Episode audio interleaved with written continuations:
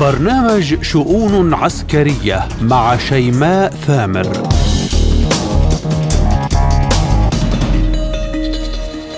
مرحبا بكم. المسيرات تستهدف العاصمة موسكو وبلينكن يدعي أن كييف استعادت 50% مما فقدت. حرب المسيرات دواء للهجوم الفاشل. في أول لقاء بينهما بعد تمرد فاغنر فلاديمير بوتين يؤكد لنظيره البيلاروسي فشل الهجوم المضاد. والأخير فاغنر يرغبون بجولة إلى الغرب. بولندا تتأهب عسكريا خريطة الجحيم أحدث الخرائط العسكرية يعرضها لوكاشينكو. زيلينسكي يبكي على أطلال نقص الأسلحة ويعللها سببا لفشل الهجوم. في إطار جولته الأخيرة أردوغان في أحضان الخليج. صفقة عسكرية كبيرة بمجال الدفاع والطيران. كيف ربطت أنقرة مصالحها بالخليج؟ ما الفائدة التي ستعود على المنطقة؟ وهل بات حلفاء واشنطن بالأمس يتحالفون اليوم بعيدا عنها؟ نتنياهو أمام امتحان صعب. تعديلات قضائية كانت القشة التي كسرت ظهر البعير تمرد توقف عن الخدمة ضباط إسرائيليون يرفضون تعديلات نتنياهو بايدن على خط التسوية هل سينجح؟ والسؤال الأهم هل أزمة الجيش معضلة تل أبيب الأخيرة أم أن مشاكل أخرى موجودة تحت المجهر؟ بعد أن أرسلت واشنطن مدمرة صواريخ البنتاغون يعلن إرسال الآلاف من المارنز إلى الشرق الأوسط السبب حفظ الأمن والاستقرار والسؤال من الذي يهدد الشرق الأوسط؟ وهل باتت واشنطن حامي حمى هذا الشرق وحدها أم سيناريو جديد ينسج هناك؟ كل ذلك وأكثر من تساؤلات. أناقشها وأبحث عن إجاباتها مع ضيوفي بشؤون عسكرية. عبر وكالة سبوتنيك الإخبارية بموسكو أصحبكم بها أنا شيماء ثامر تفاصيلها بعد الفاصل. في لقاء جمع الرئيس الروسي فلاديمير بوتين ونظيره البيلاروسي ألكسندر لوكاشينكو أكد فيه بوتين فشل الهجوم المضاد رغم كل الأسلحة التي يضخها الغرب إلى أوكرانيا. مبينا أن الخسائر الأوكرانية تجاوزت 26 ألف جندي منذ بدء العملية العسكرية الخاصة. من الجدير بالذكر أن هذا اللقاء هو أول لقاء يجمع الرئيسين بعد تمرد مجموعة فاغنر التي تجري تدريبات عسكرية اليوم مع الجيش البيلاروسي. بولندا كانت قد نشرت قواتها العسكرية على الحدود مع بيلاروسيا خوفا من تلك التدريبات. ميدانيا وبخطوة تصعيدية استهدفت القوات الأوكرانية قلب العاصمة الروسية بطائرة مسيرة وهجوما مكثفا أيضا على القرم. أعلنت وزارة الدفاع الروسية أنه تم اعتراض وتدمير طائرتين مسيرتين بينما شنت القوات الروسية هجوما على منشآت تابعة لمرفأ في اديسا جنوب أوكرانيا. للحديث بشكل موسع عن المستجدات الميدانية استقبل معي عبر الهاتف الخبير العسكري الاستراتيجي اللواء أركان حرب الدكتور سمير فرج. مرحبا بكم سيادة اللواء. معنا بشؤون عسكرية وبداية الرئيس الروسي يؤكد فشل الهجوم المضاد وزيلينسكي يبكي على أطلال نقص الأسلحة ويعتبرها سبب لفشل الهجوم. كخبير دكتور كيف تقرأ الهجوم الأوكراني المضاد حتى اللحظة؟ السؤال الأول آه، بالنسبة للهجوم المضاد الأوكراني آه، نحن قلنا من آه، عدة شهور سابقة أن الهجوم الأوكراني لن ي... الهجوم المضاد الأوكراني لن ينجح وهذا ما تحقق لعدة أسباب. أولا أن أوكرانيا ليست لها سيطرة جوية على ميدان المعركة وأولى بوادر نجاح أي هجوم مضاد أن يكون لك سيطرة جوية. الحاجة الثانية أن أوكرانيا ليست لديها نقول مقارنة للقوات تسمح لها بالهجوم ويعني ثلاثة إلى واحد طبقا للعقائد القتالية. الحاجة الثانية أن القوات الأوكرانية لم تتدرب حتى الآن على الأسلحة التي وصلت لها من الغرب بصورة جيدة. ولذلك كنا بنرى أن كان المفروض تنتظر على الأقل أوكرانيا لوصول الطيارات الاف 16 للقيام بالهجوم لعند القيام بالهجوم مضاد. ولذلك أنا طبعا مع رأي الرئيس بوتين أن الهجوم المضاد الأوكراني لم ينجح ولن ينجح في مثل هذه الظروف اللي إحنا بنراها الآن. وهو وفعلا اعترفت أمريكا بذلك ولكن الاعتراف بيجي بيقول إنه يتقدم ببطء.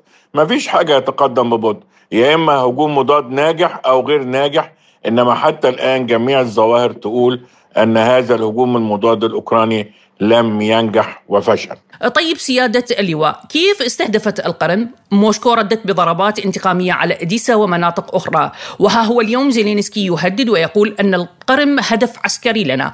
اليوم استهداف موسكو بالمسيرات وهجوم مكثف على القرم.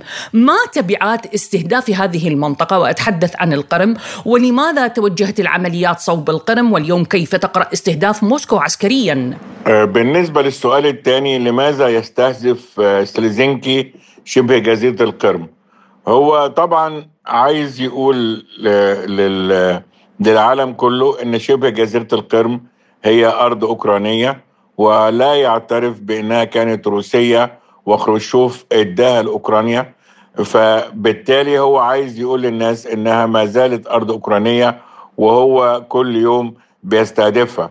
وإلا لو كانش كده يبقى معناها ده اعتراف ضمني إنها أرض روسية لأن زي ما إحنا عارفين أن الأمريكان وحلف الناتو لما أعطوا آه، آه، أوكرانيا الأسلحة اشترطوا عليه ألا يستخدمها على عمق الروس. فمن هذا المنطلق آه، هو بيحاول إن هو يثبت أن شبه جزيره القرم ليست روسية وأنها أوكرانيا أوكرانية. وعشان كده كل الضرب هيوجه في الفترة القادمة إلى شبه جزيره القرم. قد يكون هناك سبب عسكري إنها آه، هي خط الإمداد الرئيسي آه، الروسي إلى قواتها التي موجودة في شمال في شرق أوكرانيا.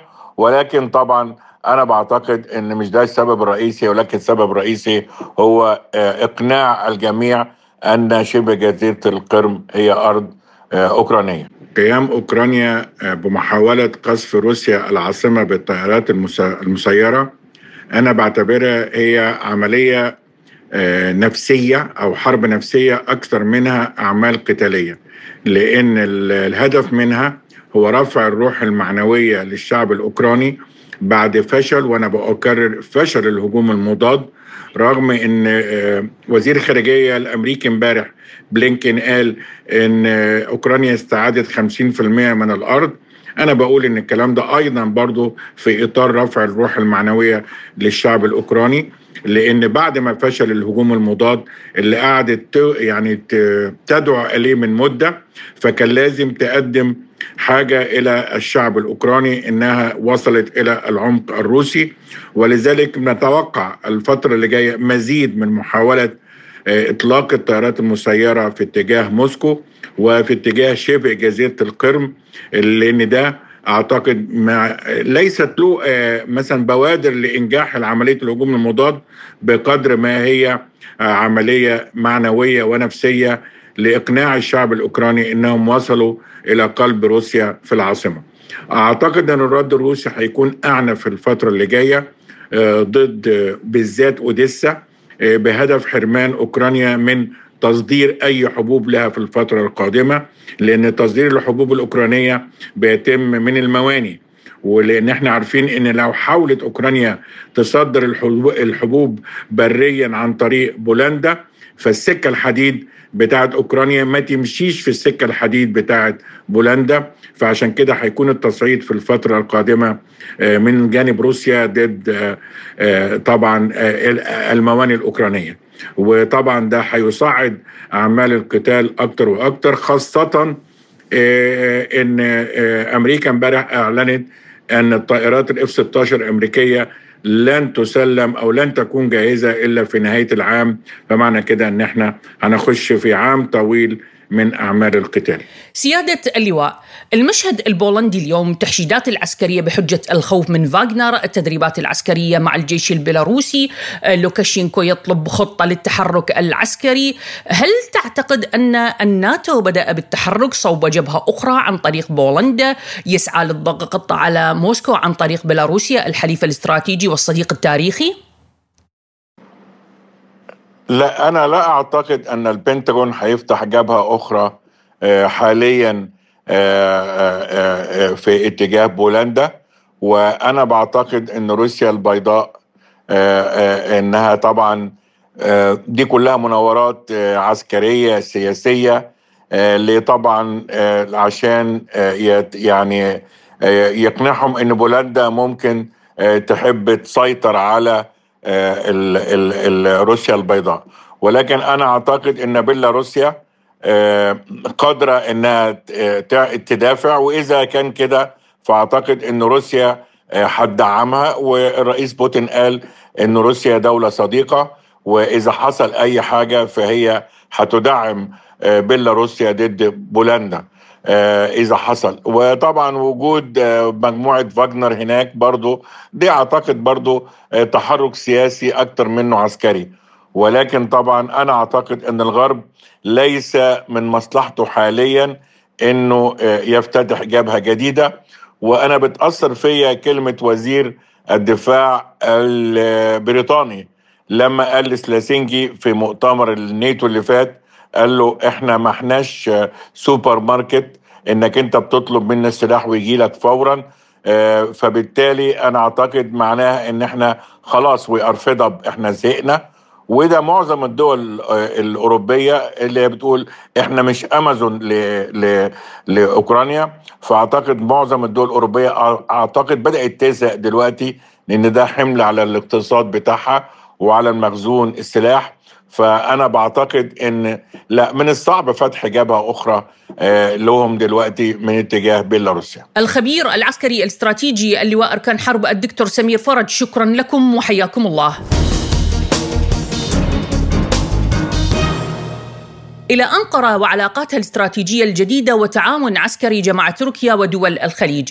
بحسب الجولة الأخيرة للرئيس التركي رجب طيب أردوغان التعاون بمجال الدفاع والطيران مع السعودية وتركيا توقعان على العديد من الاتفاقيات الاقتصادية والاستثمارية لكن ما يهمنا هنا الجانب العسكري. اتفاق من نوع آخر شمل تعزيز مجالات القدرات العسكرية والصناعات الدفاعية الأبحاث العسكرية وعقدين مع شركة بايكر للتكنولوجيا للصناعات الدفاعية والجوية اتفاقيات من نوع آخر تشمل الدفاع بين وزارتي الدفاع التركية والسعودية ليبقى السؤال هل بات حلفاء واشنطن بالأمس يتحالفون اليوم بعيدا عنها؟ للإجابة عن هذا السؤال استقبل معي الدكتور أحمد سيد أحمد الخبير بالعلاقات الدولية والأمريكية بمركز الأهرام للدراسات السياسية والإستراتيجية أحييكم دكتور معنا وبداية كيف تنظر إلى الزيارة والعلاقات التركية الخليجية كيف تقرأها بصورة عامة اليوم؟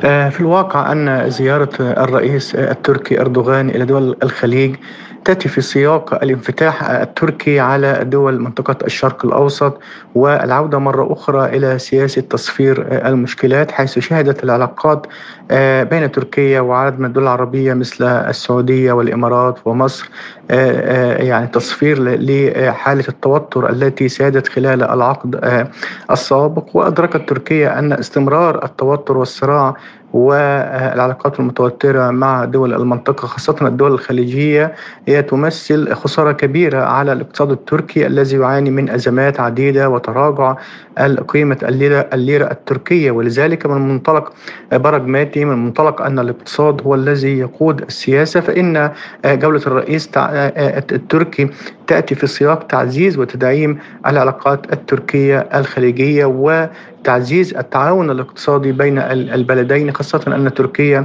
هي دولة اقتصادية مهمة من مجموعة العشرين وأيضا السعودية في مجموعة العشرين ودول الخليج تمتلك فوائد مالية نتيجة لارتفاع أسعار النفط. وكل هذا دفع كل منهما إلى التعاون والتعاون الاقتصادي وزيادة التبادل التجاري لمواجهة التحديات الاقتصادية المختلفة خاصة في ظل استمرار الأزمات العالمية. طيب دكتور أردوغان يعلن عن تعاون عسكري بمجال الدفاع الطيران مع دول الخليج صفقة عسكرية وصناعات عسكرية تكنولوجيا. ما هي أوجه التعاون؟ كيف تنظر إلى تأثيرها بالمنطقة؟ آه، تركيا اليوم ترتمي بأحضان الخليج بعد واشنطن. يعني في الواقع أن انفتاح تركيا على دول الخليج وإبرام صفقات أسلحة هي بتعني كثير من الدلالات تعني أن تركيا تسعى إلى أن تكون إحدى الدول المنتجة والمصدرة للأسلحة وأن يكون لديها حصة في السوق الخليجية التي تستورد يعني أسلحة كثيرة من أطراف مختلفة من أمريكا وروسيا الصين وهو سوق يعني قوي وواسع. وهذا يعني أحد مداخل تحقيق أو تعزيز التنمية الاقتصادية في تركيا وتعزيز العلاقات العسكرية وتقديم تركيا لميزات نسبية في إنتاج الأسلحة خاصة المدرعات خاصة الطائرات المسيرة التركية التي يعني تم استخدامها في كثير من الأزمات والصراعات. أيضا تركيا تراهن على هذا الدعم العسكري سيدعم بدوره العلاقات الاقتصادية والعلاقات السياسية خاصة في ظل مشكلات تركيا مع أمريكا فيما يتعلق بمنظومات التسليح و طائرات F 35 وأيضا آه، تركيا تحاول أن يكون لها موطئ قدم في منطقة الشرق الأوسط وأن تستغل هذا البعد العسكري في الترويج لأسلحتها وإنتاجها. ولذلك آه، هذا التعاون العسكري يمثل أهمية كبيرة آه، بين الجانبين ويعكس حقيقة العودة مرة أخرى إلى سياسة التشابك الاستراتيجي ما بين تركيا ودول الخليج وبالطبع هذا سيكون له انعكاسات على منطقة الشرق الأوسط فيما يتعلق ب تنويع دول المنطقة لمصادر التسلح وعدم الاعتماد فقط على آه، مصادر بعينها مثل الأسلحة الأمريكية وإنما أن يكون هناك بدائل مختلفة آه، مثل الصين وروسيا والآن تركيا كل هذا بيعزز ويدعم التنوع في منظومات التسليح ويدعم التنوع في استقلالية القرار في مواجهة السياسة. الامريكي. طيب دكتور ختاما هناك فائدة تعود على كلا الطرفين من هذه الصفقة برأيك ما الفائدة التي تعود على حلفاء أمريكا وأتحدث عن دول الخليج ما فائدة تعاونهم عسكريا مع تركيا؟ يعني بالطبع هذه الصفقة العسكرية بين تركيا ودول الخليج سيكون لها نفع كبير على كلا الجانبين بالنسبة لتركيا ستكون أيضا أحد الدول المصدرة للأسلحة في الشرق الأوسط وبالتالي زياده مواردها المالية في محاولة للتغلب على الصعوبات الاقتصادية التي تواجهها آه، بسبب الأزمات العالمية. أيضا ستعزز من وضع تركيا الاستراتيجي كما كدولة لها نفوذ في منطقة الشرق الأوسط. كما أنها أيضا ستؤدي إلى تطبيع العلاقات بينها وبين دول الخليج بعد حالة من الفتور خلال الفترة الماضية. أيضا بتعكس أن لتركيا بدائل يمكن التوجه إليها والانفتاح عليها في الشرق الأوسط في ظل آه، أن آه، الاتحاد الأوروبي وواشنطن توصد الأبواب أمام تركيا سواء لانضمام الاتحاد الأوروبي أو فيما يتعلق بالتعاون العسكري مع تركيا رغم أنها عضو في حلف الناتو. في المقابل دول الخليج ستستفيد بالطبع من هذا الصفقة العسكرية وهذا التعاون العسكري مع تركيا. يعني من أبرز الفوائد هو أنها آه، ستمتلك أسلحة متطورة آه، في خاصة في الطيارات المسيرة في الأسلحة التركية الحديثة. الأمر الثاني ستنوع مصادر تسلحها العسكري آه، لن تعتمد فقط على الجانب الأمريكي. الأمر الثالث أيضا أنها ستدعم من قدرتها العسكرية وتعزز من أمنها القومي في مواجهة التحديات المختلفه مثل الإرهاب والتدخلات الخارجية في شؤون المنطقة وغيرها. من التحديات كما أنها أيضا بتعني أن دول الخليج تعتمد على قواتها وقدراتها العسكرية في الدفاع عن نفسها وعدم الاكتفاء أو فقط كما كان في السابق على الحماية المظلة والحماية والمظلة الأمنية الأمريكية. ولذلك هناك فوائد مشتركة فوائد اقتصادية من هذا التعاون العسكري فوائد استراتيجية فوائد سياسية بتعكس مرحلة جديدة من العلاقات بين تركيا وبين دول الخليج ومنطقة الشرق الأوسط. الخبير بالعلاقات الدولية الدكتور أحمد سيد أحمد شكرا لكم وحياكم الله. إلى الشرق الأوسط. بعد أن أرسلت واشنطن مدمرة صواريخ ومقاتلات إلى الشرق الأوسط البنتاغون يكشف عن إرسال الآلاف من المارينز للشرق الأوسط بحجة حماية أمنه واستقراره.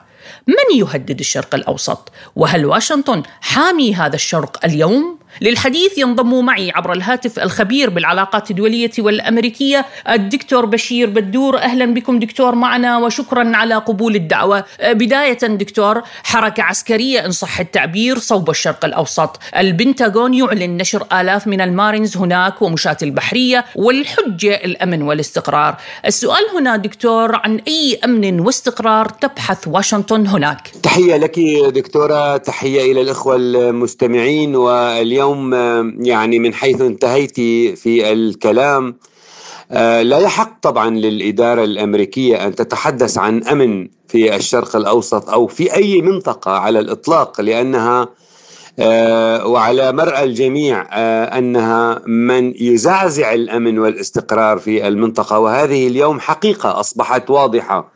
يعني ما جعلته أو ما خلفته في إفغانستان في العراق في الحرب على سوريا الحصار الجائر هنا وهناك روسيا والصين وإيران وغيرها الدمار الشامل والتآمر عبر التحالف الخليجي على اليمن على ليبيا.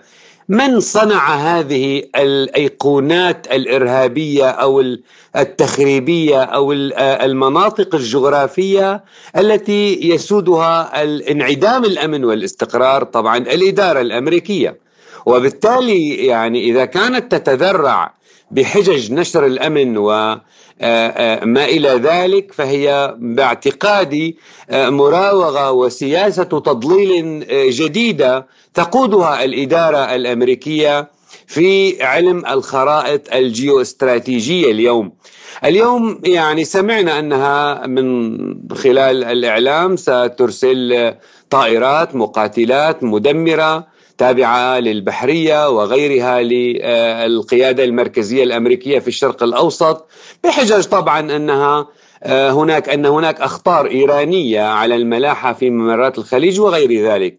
بطبيعة الأمر يعني هذا الموضوع آه، كما ذكرنا آه، مرهون بمصالح أمريكية على المستوى الاستراتيجي على المستوى الجيو استراتيجي وأيضا الجيوبوليتيك إذا آه، يعني أكدنا أكثر في في الموضوعية. لماذا يعني؟ اليوم هناك متغيرات هناك تقاربات دولية هناك تجاذبات هناك ربما آه، يعني آه، حراك وفشل.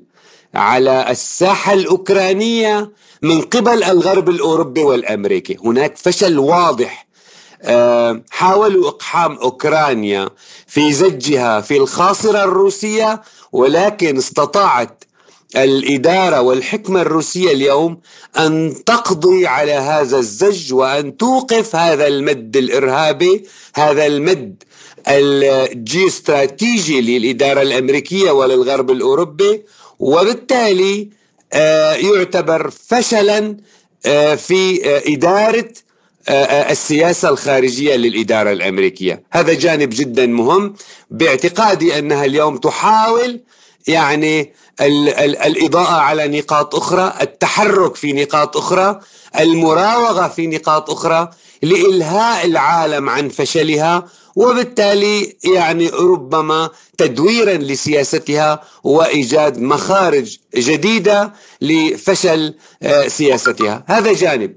لا ننسى الفشل الكبير التي منيت به في الجغرافيا السورية من إفشال الدولة السورية لمشروعها في المنطقة وهذا أيضا جانب جدا مهم لا ننسى أيضا فشلها في آه، آه، يعني لجم إيران عن ممارسة آه، حقوقها في التخصيب وإنتاج النووي السلمي وأيضا يعتبر فشل أمام الإدارة الأمريكية وفشل كبير جدا.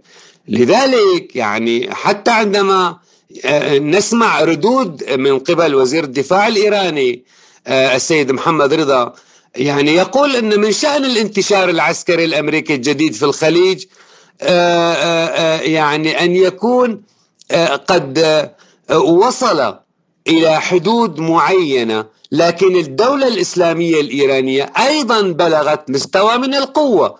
بحيث لا أحد قادر على تنفيذ تهديداته أو تهديدات إيران ويعتبر أن هذه التهديدات قد تجاوزتها الدولة الإيرانية بكثير من الزمن نتيجة التطور التقدم آه، الحيازة الكبيرة لمختلف أنواع الأسلحة والقرار والانتماء الإيرانية آه، آه، لقرارها السيادي.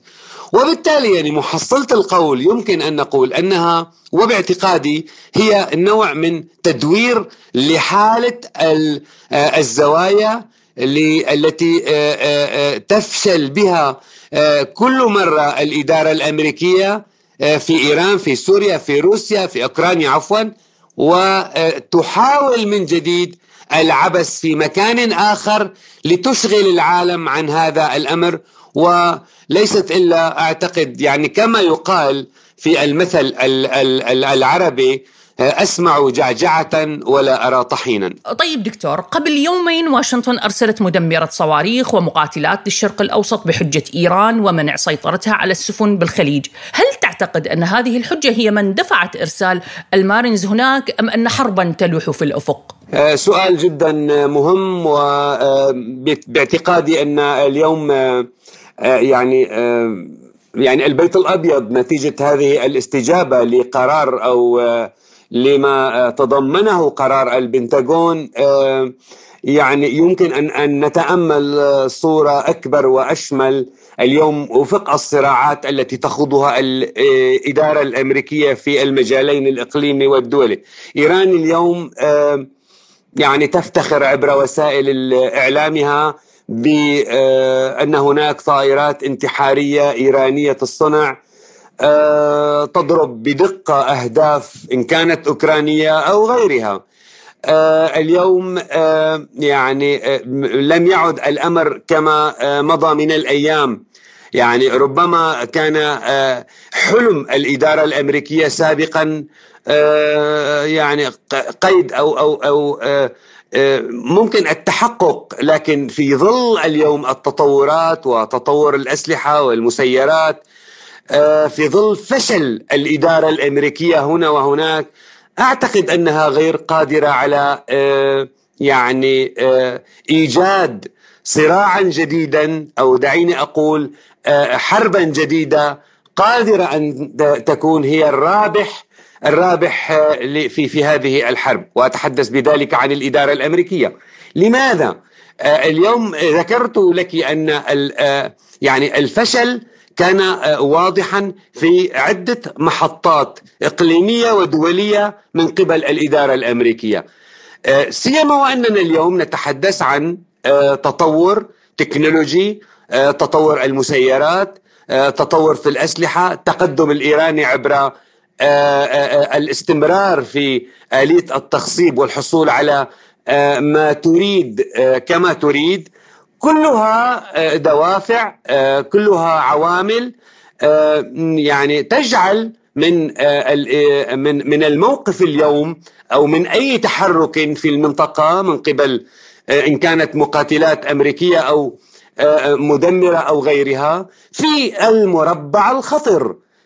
تجاه ايا يكن إن كانت يعني ما يتعلق في الدولة الإسلامية الإيرانية أو في المنطقة عموما لم يعد مقبولا اليوم أن تقود الإدارة الأمريكية آه، شغبا جديدا أو صراعا جديدا أو آه، تنازعا جديدا بحجج الأمن والأمان ونشر السلم. هذا أمر أصبح يعني يقلق المنطقة اقليميا ودوليا. عدم آه، القدرة على الضبط على على ضوابط ما تقوده أو ما تقوله الإدارة الأمريكية بحجج إن يعني القانون الدولي أعطى أعطى اليوم يعني الكثير من خيبات الأمل لشعوب المنطقة وأيضا استمرارها بنهب الخيرات ونشر الإرهاب و يعني المعروف أن أمريكا تلفظ آه، عملائها أو شركائها عند الانتهاء من مضغهم. أعطى اليوم حقيقة للعالم للعالم الإقليمي والدولي بشكل عام أن العلاقة مع أمريكا علاقة مع أمريكا هي علاقة سيئة جدا وليس لها أي آه، نهايه لذلك يعني لا أعتقد أن هذا التحرك اليوم سيقود إلى حرب مدمرة سيقود إلى يعني آه، نوع من التفاضل في آه، العلاقات أو يعني ربما بمصطلح أدق نوع من التخريب الجيوستراتيجي أو السياسي في المنطقة لكنها أكرر أن نوع من تدوير لسياسة الإدارة الأمريكية وهربا من فشلها الذريع عبر سنوات حربها حربها مع إيران، حربها مع سوريا، حربها مع اليوم روسيا عبر أوكرانيا.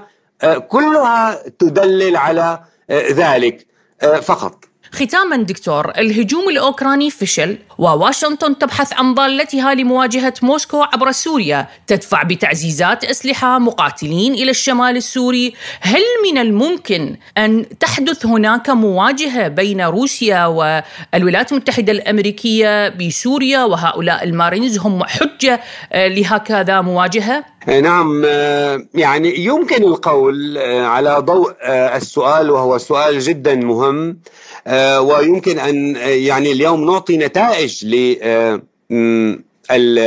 يعني العمليات العسكرية في أوكرانيا بأنها كانت ناجحة.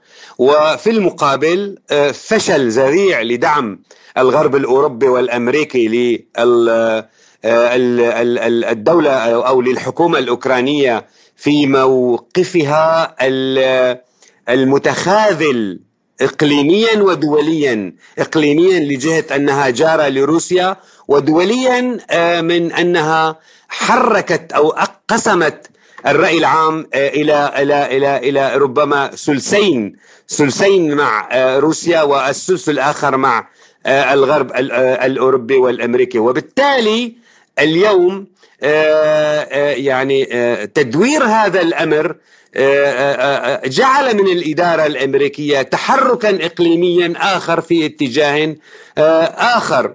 ربما يعني طبيعة يعني الحرب أو فشل المشروع في في سوريا هو يعني الأكثر حظا كان للإدارة الأمريكية بأن تحرك الزوايا وتحاول المراوغة من جديد بحجج آه، متعددة إن كانت عبر الجغرافيا السورية أو في آه، خليج آه، أو مضيق هرمز عبر إرسال قواتها تارة ولتحرك بعيد استراتيجي المدى ودعم لميليشيات قسد والحراك الجديد والتكابش الجديد في في الجغرافيا السورية. كلها يعني مسائل تتعلق اليوم أو ترتبط ارتباط آه، يعني أعتقد أنه موثق آه، في نظرية الفشل التي منيت بها الإدارة الأمريكية، هذا جانب جدا مهم.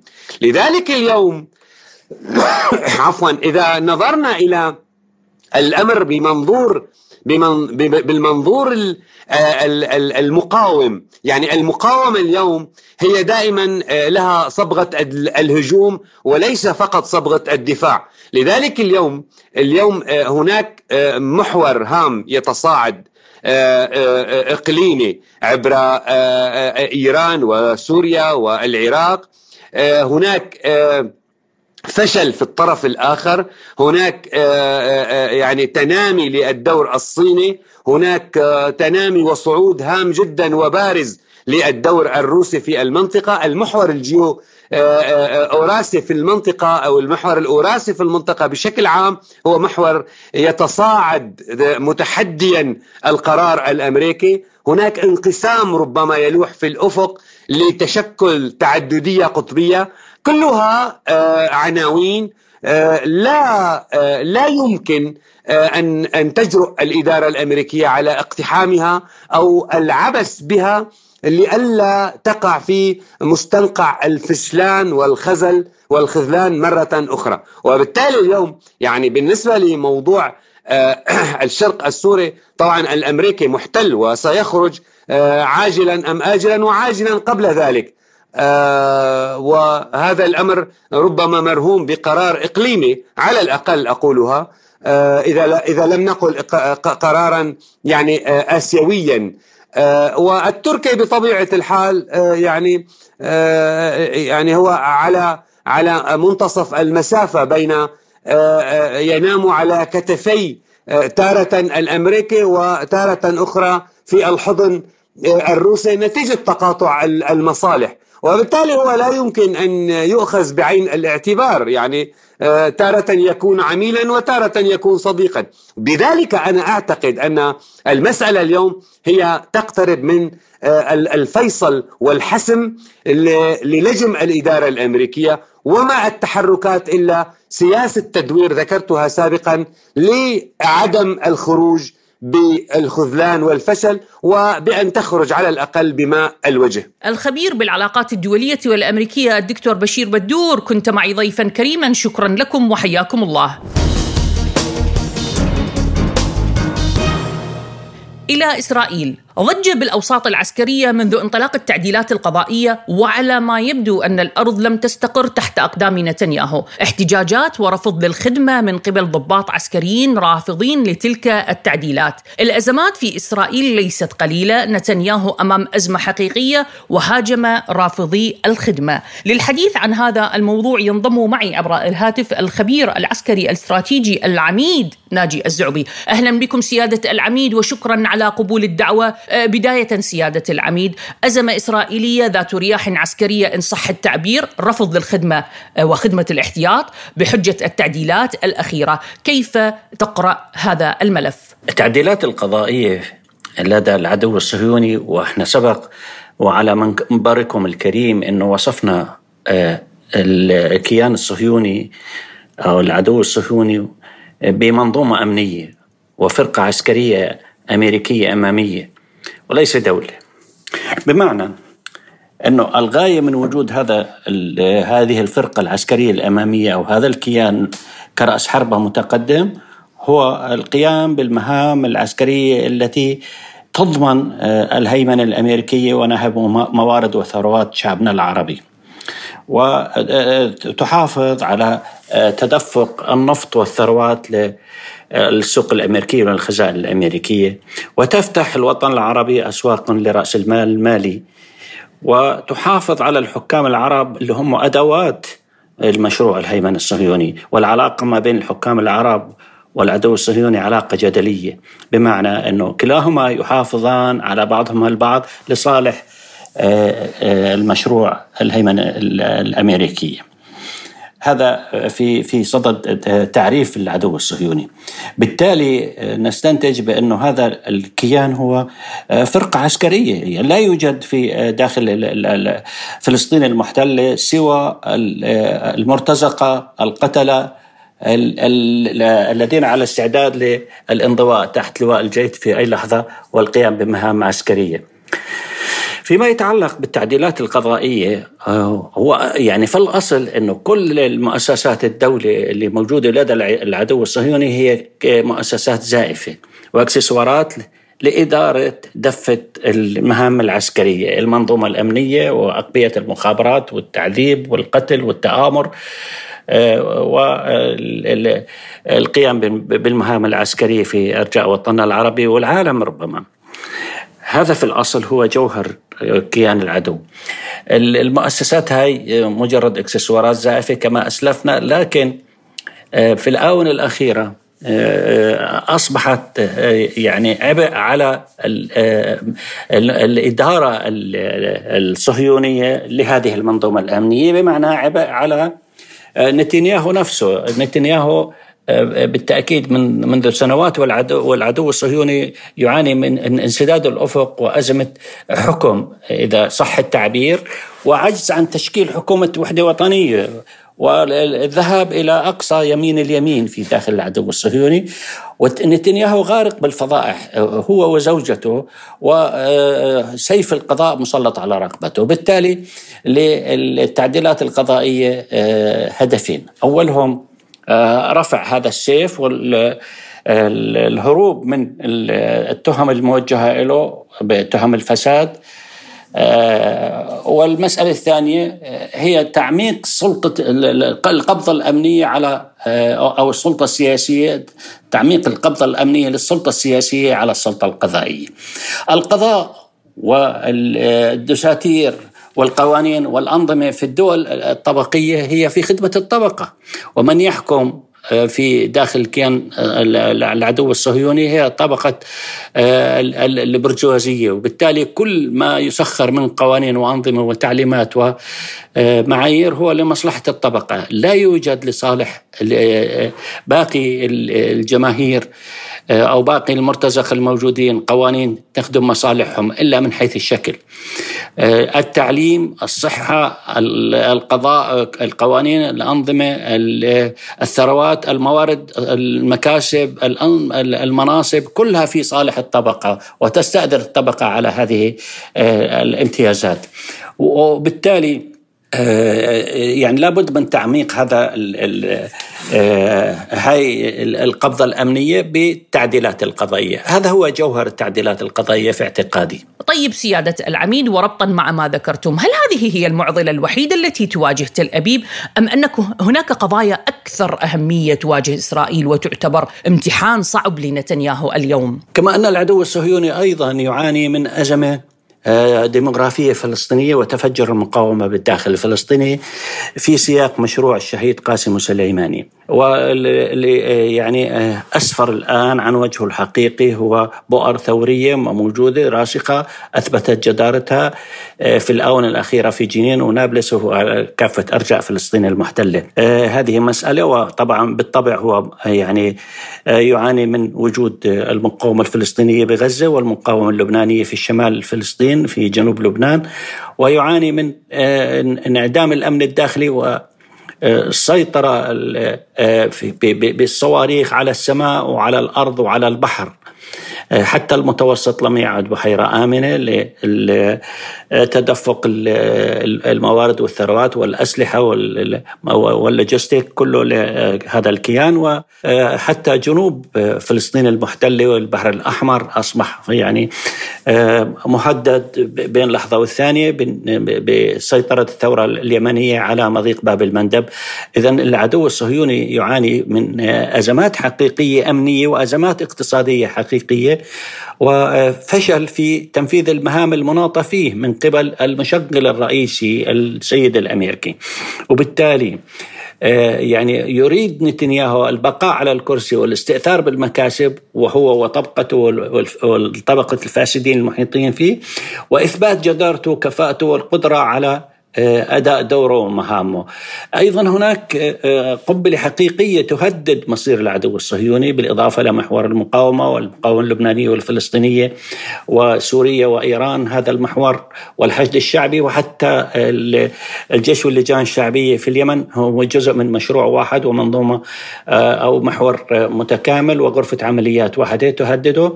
وتهدد أيضا القنبلة الفلسطينية الديموغرافيه هذه القنبلة القادمة تشكل خطر حقيقي ولا يستطيع بالتالي من مجابهة كل هذه المخاطر مجتمعة ولا يستطيع آه، القيام بمهامه. والآن يختفي خلف جدران عازلة ونتذكر يعني مرة ثانية عملية إيفيفيم آه، وكيف انحصر العدو انسحب العدو وانسحب قطعاته لسبعة كيلومتر في شمال فلسطين. والخيمة الموجودة الآن في الأراضي والجرافات الآن اللي تعمل في في في شبعة. ولا يستطيع العدو القيام بأي ردة فعل هو. بالتالي هو الآن أمام فضيحة أمنية فضيحة اقتصادية فضيحة وازمه ديموغرافية وهو يشكل عبء على المشكل الرئيسي عبء اقتصادي ومالي وسياسي وأخلاقي. هذا ما يكمن خلف التعديلات القضائية. بالطبع يعني يدرك الضباط والأطباء وحتى الجنود بأنه القادم هو آه، أسوأ والخطر القادم يهدد هذا الكيان برمته وإضافة لسحب الامتيازات وتعميق القبضة الأمنية وبالتالي يواجه رفض الآن. مما اضطر بايدن نفسه إلى التدخل للطلب نتنياهو لإلغاء التعديلات القضائية. أعتقد أنه نحن أمام جيش مترهل جيش غير قادر على القيام بمهامه غير قادر على القيام بمهام المستقبل ولم يعد الجيش العدو الصهيوني بنفس الكفاءة السابقة. والآن أمام أجيال نحن أجيال يعني تعيش حالة من انعدام الوزن وانعدام الأخلاق وانعدام القضية والهدف. الجيوش المرتزقة لا يمكن أن تقاتل إلا من أجل المال لا وليس من أجل القتال. والمعايير الأخلاقية تتردى وتتراجع والمثلية والمخدرات تنهش في هذا الجسد. بالتالي كل هاي جملة الآفات اللي تعيث بداخل بنية العدو الصهيوني تشكل هاجس وخطر على نتنياهو اللي حاول أن يقبض على الحياة السياسية ويعمق دور السلطة السياسية ويهيمن على السلطة القضائية أو ما يسمى بالسلطة القضائية. الحقيقة نحن حتى يعني في كل أرجاء الوطن العربي اللي مرتبط بالمشروع الأمريكي يعاني من نفس الأعراض. يعني في الأردن نحن الآن أمام مشهد وقانون انتخابات عفوا قانون الجرائم الإلكترونية اللي يسعى لتكميم الأفواه والحد من الحريات وبالتالي تمرير المشاريع ايا كان آه، خطرها على مستقبل شعبنا ووطننا وقضيتنا الفلسطينية. نعم الخبير العسكري الاستراتيجي العميد ناجي الزعبي كنت معي ضيفا كريما شكرا لكم وحياكم الله. إلى هنا أصل وإياكم مستمعينا الكرام لختام حلقة اليوم من شؤون عسكرية رافقتكم بها بالإعداد والتقديم من وراء الميكروفون الدكتور شيماء ثامر. شكري لضيوفي كل من الخبير العسكري اللواء أركان حرب دكتور سمير فرج الخبير بالعلاقات الدولية والأمريكية الدكتور أحمد سيد أحمد الخبير بالعلاقات الدولية والأمريكية الدكتور بشير بدور والخبير العسكري والاستراتيجي العميد ناجي الزعبي. للمزيد زوروا موقعنا الإلكتروني arabicsputnik.ae دمتم بأمان الله وحفظه.